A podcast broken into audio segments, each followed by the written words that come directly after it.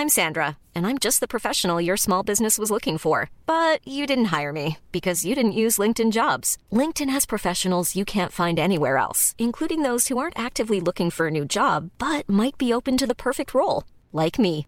In a given month, over 70% of LinkedIn users don't visit other leading job sites. So if you're not looking on LinkedIn, you'll miss out on great candidates like Sandra. Start hiring professionals like a professional. Post your free job on linkedin.com/people today.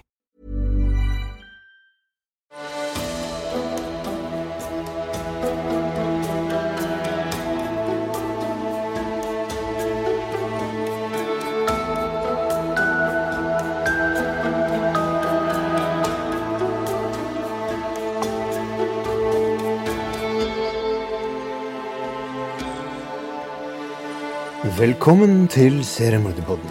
Podkasten dedikert til seriemordere. Hvem de var, hva de gjorde, og hvordan. Jeg heter Thomas Rosseland Wiborg Tune. I kveld tar vi for oss del tre i sagaen om The Yorkshire Ripper. Eller eh, Yorkshire Revneren, om vi skal oversette direkte.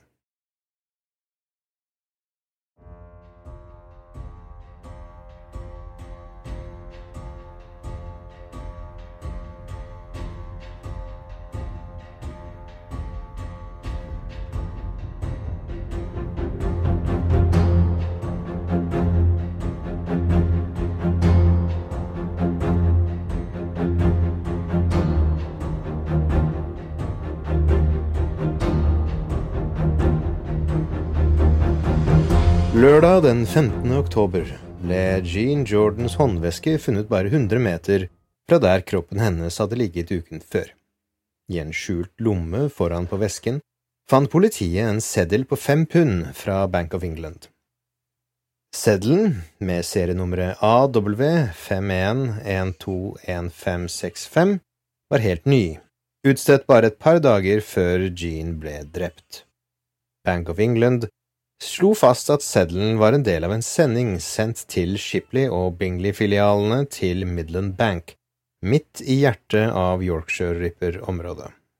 Sutcliffe var helt i sin rett til å bli livredd for at fempundseddelen han hadde gitt Jean i bytte mot sex, kunne være en viktig ledetråd for politiet.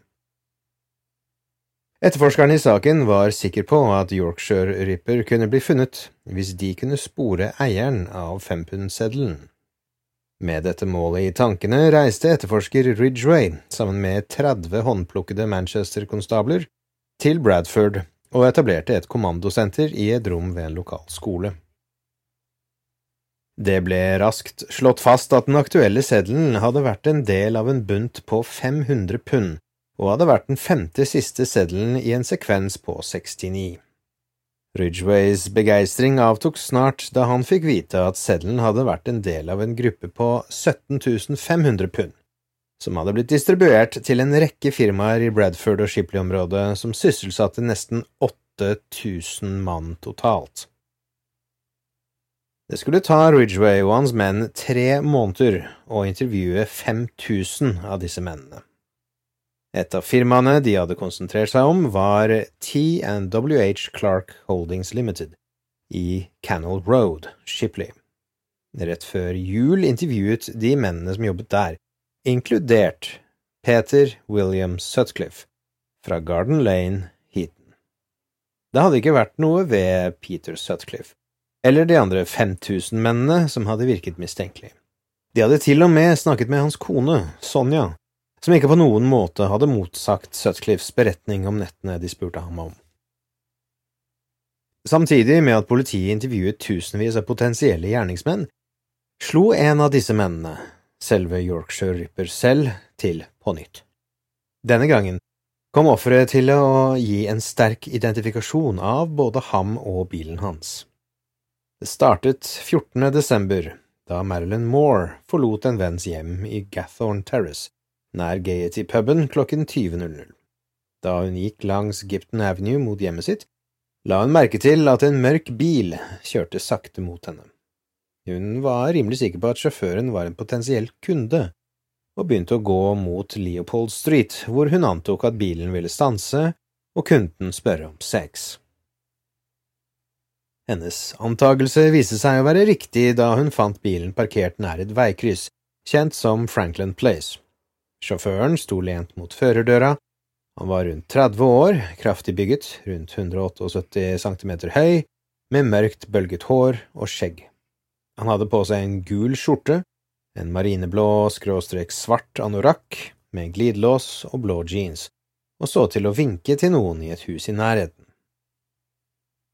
Han spurte henne om hun tilbød visse tjenester, og de ble enige om en pris før hun satte seg inn i bilen med ham. Da han kjørte henne til en ledig tomt i Scott Hall Street, omtrent halvannen kilometer unna, fortalte han henne at han het Dave, og at personen han hadde vinket til, var kjæresten. Da de ankom til destinasjonen, foreslo Dave at de skulle ha sex i baksetet, men da Marilyn gikk ut av bilen, fant hun ut at bakdøren var låst. Da så Dave kom bak henne for å åpne døren, kjente Marilyn et sviende, kvalmende slag på toppen av hodet sitt. Hun skrek høyt og forsøkte å beskytte hodet med hendene. Da hun falt i bakken og febrilsk tok tak i angriperens bukser da hun falt, kjente hun flere slag, før hun mistet bevisstheten. En hund bjeffet av lyden fra Marilyns skrik, og Dave, hvis egentlige fornavn var Peter, dro før han kunne fullføre det han anså som jobben sin.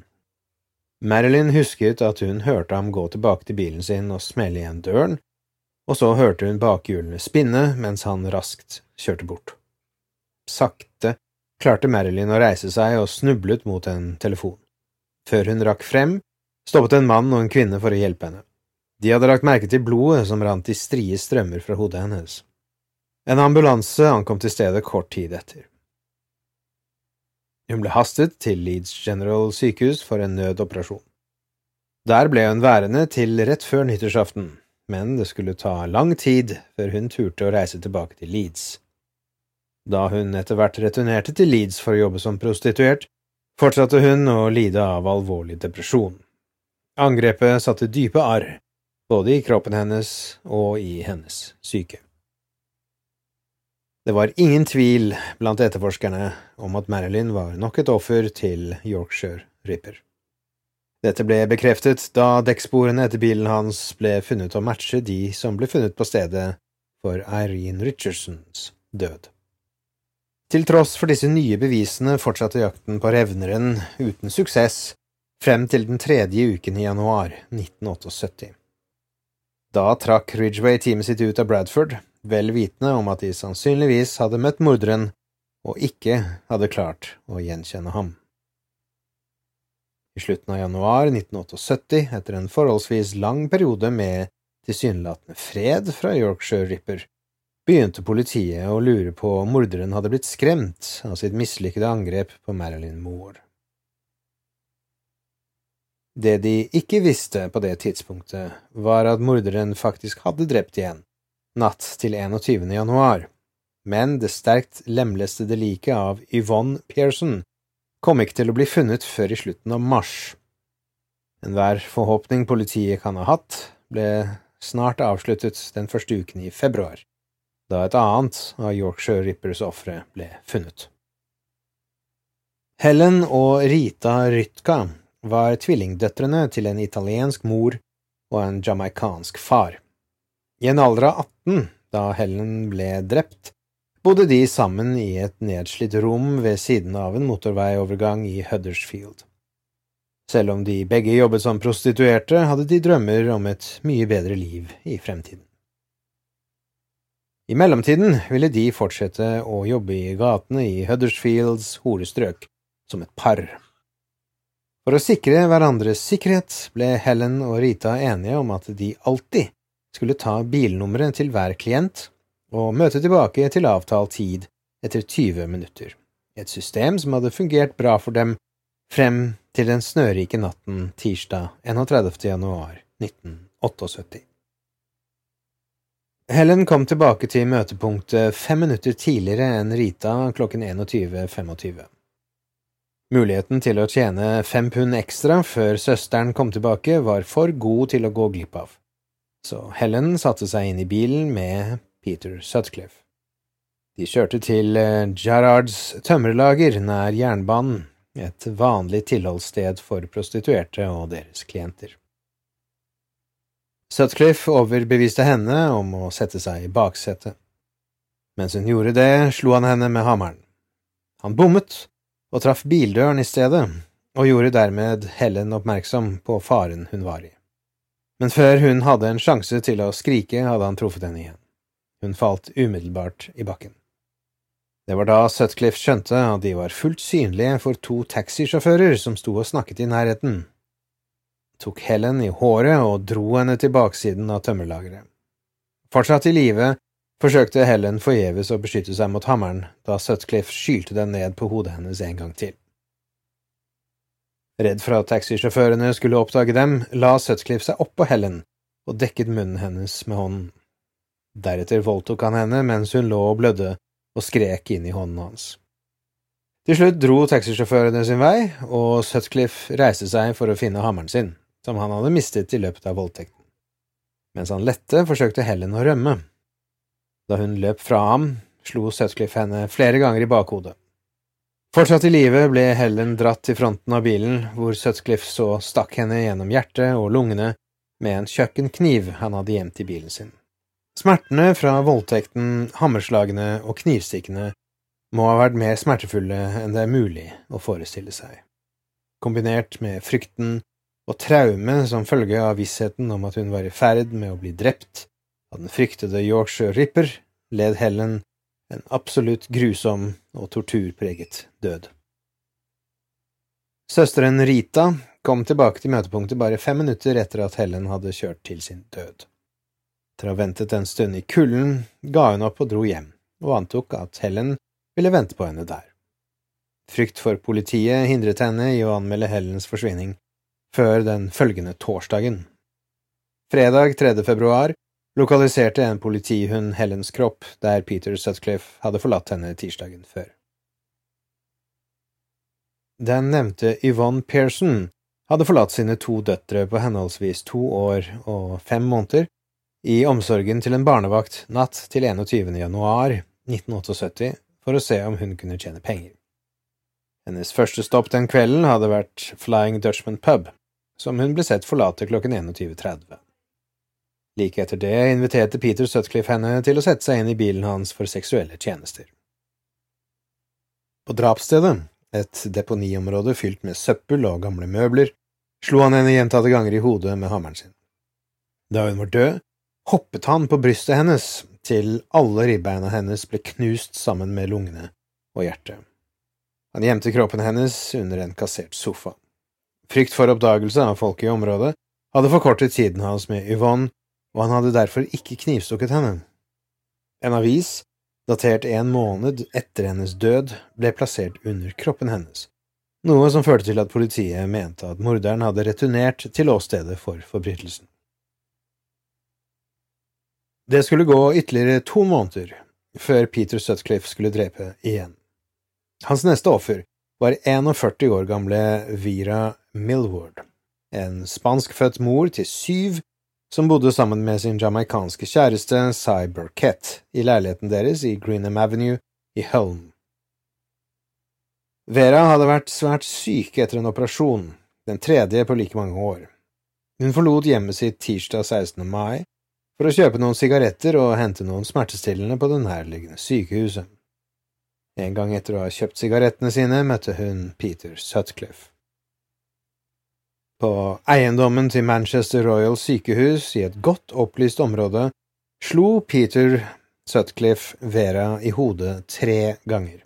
Deretter kledde han av henne på sin vanlige måte. Så kuttet han henne dypt i maven hennes på en så brutal måte at tarmene hennes veltet ut. Han stakk henne også gjentatte ganger i det ene såret på ryggen, rett under nedre venstre ribbein. Videre skar han i hennes høyre øyelokk. Hennes skrik om hjelp ble hørt, og ignorert, av en mann og sønnen hans som kom inn på sykehuset på tidspunktet for angrepet. Folk i dette området var godt vant til slike rop i natten. Da Sutcliffe var ferdig med henne, dro han kroppen hennes fire meter unna og dumpet henne ved et kjettinggjerde. på en søppelhaug i et hjørne av parkeringsplassen. Hun ble funnet klokken 08.10 morgenen etter, liggende på høyre side med ansiktet ned, med armene foldet under seg og bena stikkende rett ut. Morderen hadde plassert skoene pent på kroppen hennes. Dekkspor ble funnet i nærheten. De matchet de som var igjen på drapsstedet til Irene Richardson og på stedet der Marilyn Moore hadde blitt angrepet. Perioden på elleve måneder siden drapet på Vera Milward hadde fått publikum til å slappe av. Folk spekulerte i om morderen hadde rømt landet, eller kanskje tatt selvmord. Politiet hadde håpet at det var tilfellet. How would you like to look five years younger? In a clinical study, people that had volume Juvederm Voluma XC in the cheeks perceived themselves as looking five years younger at six months after treatment. Look younger, feel like you. Add volume for lift and contour in the cheeks with Juvederm Voluma XC. Reverse signs of aging by adding volume to smooth laugh lines with Juvederm Volure XC. For important safety information and to find a licensed specialist, visit juvederm.com. That's J U V E D E R M.com. Not for people with severe allergic reactions, allergies to lidocaine, or the proteins used in Juvederm. Common side effects include injection site redness, swelling, pain, tenderness, firmness, lumps, bumps, bruising, discoloration, or itching. There's a risk of unintentional injection into a blood vessel, which can cause vision abnormalities, blindness, stroke, temporary scabs, or scarring. Talk to a licensed specialist to find out if it's right for you. There's never been a faster or easier way to start your weight loss journey than with PlushCare. PlushCare accepts most insurance plans and gives you online access to board-certified physicians who can prescribe FDA-approved weight loss medications like Wigovi and Zepbound for those who qualify. Take charge of your health and speak with a board-certified physician about a weight loss plan that's right for you. Get started today at plushcare.com slash weight loss. That's plushcare.com slash weight loss. plushcare.com slash weight loss. Det som hadde skjedd i løpet av den elleve måneder lange tiden, var at moren til Peter Sutcliffe hadde dødd. Det var 8. november 1978 at Kathleen Sutcliffe, som hadde lidd av angina i fire år, døde av hjerteinfarkt og iskemisk hjertesykdom i en alder av 59. Hennes eldste sønn, som alltid hadde stått henne nærmest, var i dyp sorg. Han beskyldte faren for hennes død. John Sutcliffe hadde gjort seg skyldig i mange sidesprang i løpet av sine år med ekteskap med Kathleen, og Peter Sutcliffe mente faren dermed hadde vært ansvarlig for morens sykdom. Sonja og ektemannen hadde bodd i sitt nye hjem i over tolv måneder på dette tidspunktet, og hadde brukt mye tid på å jobbe med oppussing. Naboene deres anså dem for å være et noe uvanlig par som holdt seg veldig for seg selv. Mens Sonja brukte mye av tiden sin på å jobbe i haven, jobbet Sutcliffe konstant med bilene sine. På denne tiden hadde han erstattet den røde korseren med en metallgrå Sunbeam Rapier. På jobben var Sutcliffe en av Clarks mest samvittighetsfulle sjåfører, som førte plettfrie logger og reparasjonsjournaler, men arbeidskameratene hans så på ham som litt av en enstøing som holdt seg veldig for seg selv og aldri viste noen tegn til vold. Han bannet heller ikke og snakket aldri grovt om sex eller kvinner. Da politiet avhørte ham igjen fordi registreringsnummeret hans hadde blitt observert i flere horestrøk, var han ikke synlig bekymret. Han forklarte at kjøring til og fra jobb regelmessig tok ham gjennom disse områdene. Morderen slo til igjen 4. april 1979.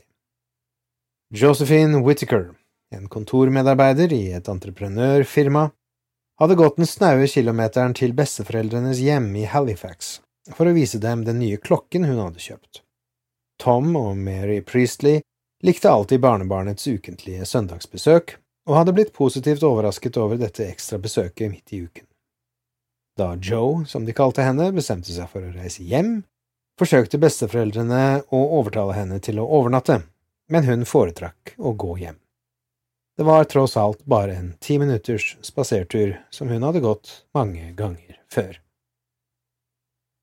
Det var nesten midnatt da hun nådde Savile Park, et område med åpne gressletter omgitt av godt opplyste veier.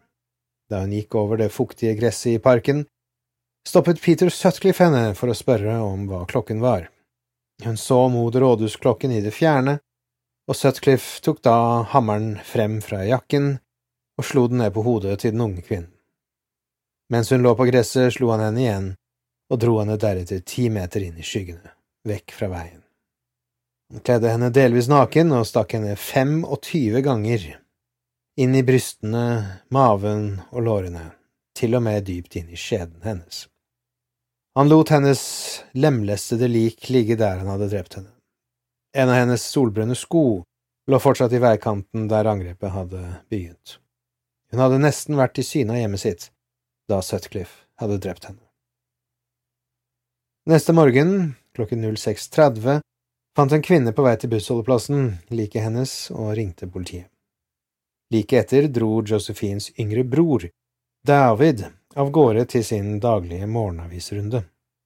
Da han nærmet seg parken, så han politibetjentene stå tett sammen rundt noe som lå på bakken.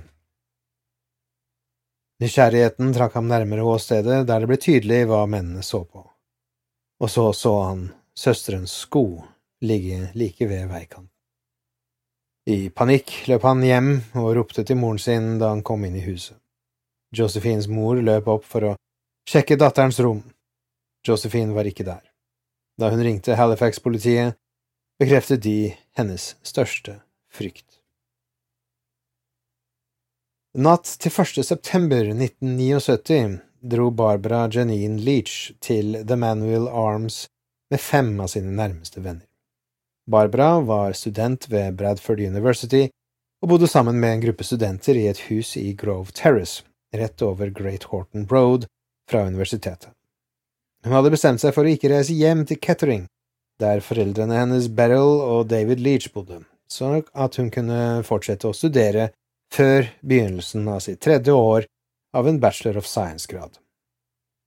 Hun hadde ringt moren sin tidligere samme dag for å ønske faren gratulerer med dagen, og beklaget at hun ikke sendte ham et kort. Hun fortalte moren sin at hun skulle reise hjem mandagen for å tilbringe uken med dem.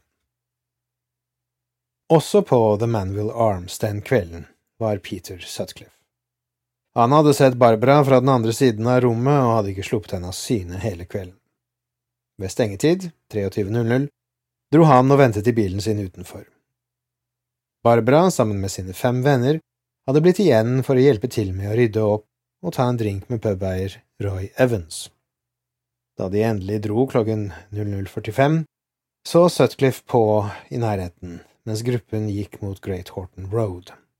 Da de skulle svinge til venstre inn på Grove Terrace, bestemte Barbara seg for å gå en tur og inviterte vennen Paul Smith til å bli med henne. Da han takket nei til tilbudet, ba hun ham vente på henne siden hun ikke hadde nøkkel. Så skilte de lag. Mens han så Barbara gå ned Great Horton Road alene, startet Sutcliffe bilen og kjørte ned til Back Ash Grove, hvor han parkerte. Med hammer og kniv i hånden gikk han ut av bilen og gikk raskt langs bak ham, vel vitende om at Barbara snart skulle gå forbi i den andre enden. Han ventet på henne i skyggene av Ash Grove og lyttet til ekkoet av støvlene hennes på fortauet mens hun gikk mot ham. Da hun passerte, sprang han frem og slo hammeren inn i hodet hennes. Det tok bare ett slag, og hun var død. Raskt dro han den livløse kroppen hennes tilbake i skyggene av smuget mot Backash Grove. I bakgården bak nummer 13 slapp han kroppen hennes og rev i klærne hennes, og blottla brystene, maven og underbuksene hennes. Han stakk henne åtte ganger, dro deretter kroppen hennes nær noen søppelkasser og dekket henne med et stykke gammelt teppe som lå like ved. Paul Smith ventet på Barbara i over en time da, forutsatt at hun hadde bestemt seg for å bli med på en av de mange festene som ble holdt over hele området, han gikk til sengs.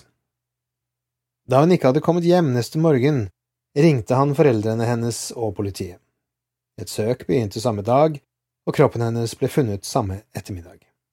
Professor G, patologen som hadde jobbet med alle Yorkshire Ripper-sakene, mente at kniven som ble brukt til å stikke Barbara, var den samme som hadde blitt brukt på Josephine Whittaker. Med dødsfallene til to ofre som ikke var prostituerte i områder uten horestrøk i løpet av en seks måneders periode, var publikum i West Yorkshire nå interessert i mer enn bare grufulle historier om Yorkshire Ripper. De ønsket handling. Spørsmål ble reist mot politiet, og hvorfor ikke de gjorde noe for å stoppe denne morderen som hadde våget å true livet til såkalte anstendige kvinner. Siden januar 1979, da Ridgway og hans menn hadde forlatt Bradford i deres søken etter eieren av fempundseddelen som ble funnet i Jean Jordans håndveske, hadde de returnert mange ganger for å intervjue ansatte i firmaer som Clarks, hvor Peter Sutcliffe jobbet. Sutcliffe hadde blitt intervjuet ved en rekke anledninger, og arbeidskameratene hans hadde tatt til å kalle ham Revneren på grunn av politiets tilsynelatende interesse for ham. Selv så sent som i 1980 ble Sutcliffe aldri ansett for å være en hovedmistenkt, til tross for at han hadde et gap i fortennene, bilen hans hadde blitt oppdaget i horestrøk en rekke ganger, blodtypen hans var av B-gruppe, men ikke en sekretor, han hadde riktig støvelstørrelse, og navnet hans var på den nå dramatisk forkortede listen over 300 mulige mottakere av fempundseddelen. Uforklarlig nok ble ingen av mennene som ble intervjuet på dette tidspunktet, tatt blodprøver av, og ingen ble heller satt under overvåkning eller kontrollert størrelsen til. Den overveldende grunnen til at Peter Sutcliffe ikke ble ansett som mistenkt, selv etter totalt hele ni intervjuer med politiet, var at han hadde gitt alibier som var bekreftet av Sonja, og fordi han ikke hadde en Geordie-aksent. Geordie-aksenten kom fra et av de falske båndene sendt av Mr. Humble. En skremmende indikasjon på hvor mye antagelser kan påvirke en etterforskning som denne. Høsten 1980 angrep Sutcliffe fire kvinner og drepte to av dem. Det første angrepet skjedde i den respektable forstaden Fairsley i Leeds. Hans 47 år gamle offer, Marguerite Walls, var en embetskvinne som jobbet ved Institutt for utdanning og vitenskap i Farsley. Hun jobbet sent natt til 20. august 1980, da han hadde ønsket å rydde innboksen sin før hun startet ferien dagen etter. Hun forlot kontorbygningen klokken 22.30 for å begynne den korte turen hjem, og tok den lengste, men sikreste ruten langs godt opplyste gater. I New Street, da hun gikk forbi inngangen til en lokal sorenskrivers hus, hoppet Peter Sutcliffe ut bak gjerdet der han hadde ventet på henne, og slo henne i hodet med hammeren sin. Marguerite falt ikke til bakken slik Peter Sutcliffe forventet at hun skulle. I stedet begynte hun å skrike, og et andre slag mot hodet stoppet fortsatt ikke hennes skrik mens hun holdt det nå blødende hodet sitt. For å stoppe hennes skrik tok han henne i nakken og kvalte henne. Mens han gjorde det, dro han henne inn i oppkjørselen og gjennom de gjengrodde buskene på eiendommen kalt Claremont. Da han nådde garasjen, langt inne i haven, var Marguerite død. Han rev i klærne hennes, rev dem av henne og spredte dem rundt i haven. Hans sinne og frustrasjon over å ha glemt å ta med seg kniven sin steg og kunne ikke dempes da han regnet slag på kroppen hennes med hammeren. Før han forlot henne, dekket han kroppen hennes med blader som lå i en haug i nærheten. Da han forlot haven, sjekket han at gaten var stille før han gikk ut av mørket. 15 minutter senere var han trygt hjemme. Da Marguerite ble funnet neste morgen, bare 400 meter fra hjemmet sitt, ble det snart fastslått at selv om hun hadde blitt slått med en hammer, mente politiet at kvelningen utelukket at hun var et offer for den beryktede Yorkshire Ripper.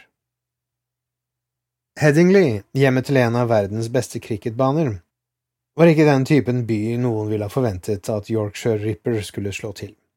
Det var ingen horestrøk der, det var en forstad der studenter, lærere og mediefolk valgte å bo i fred og fordragelighet. Men det var her Peter Sutcliffe angrep dr. Upadya Bandara, som besøkte Leeds fra hjemlandet Singapore som en del av et stipend fra Verdens helseorganisasjon. Det var 24. september dr. Bandara tok den lange turen hjem etter å ha besøkt venner i Headingley.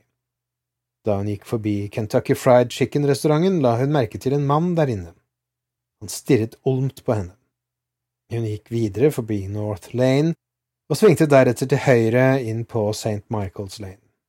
Da hun svingte inn på Chapel Lane, en bakgate som skar gjennom til Cardigan Road, ble hun slynget til bakken.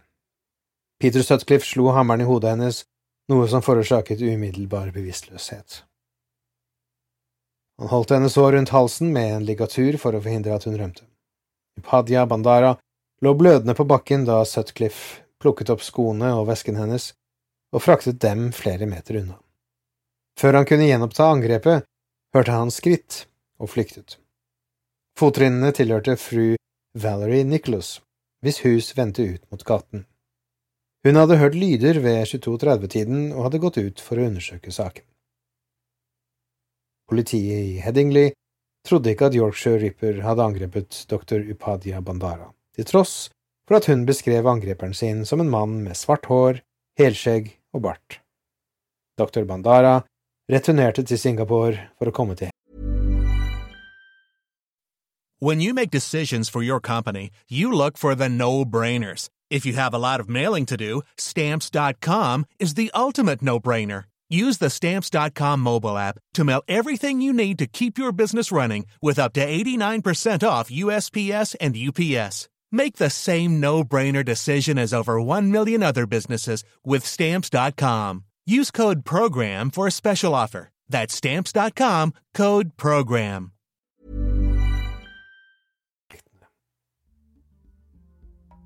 Og med det, kjære lytter, kommer vi til slutten av del tre i sagaen om The Yorkshire Ripper, Peter Sutcliffe. Neste episode vil være den siste i denne sagaen, så som de sier i Radioland, følg med.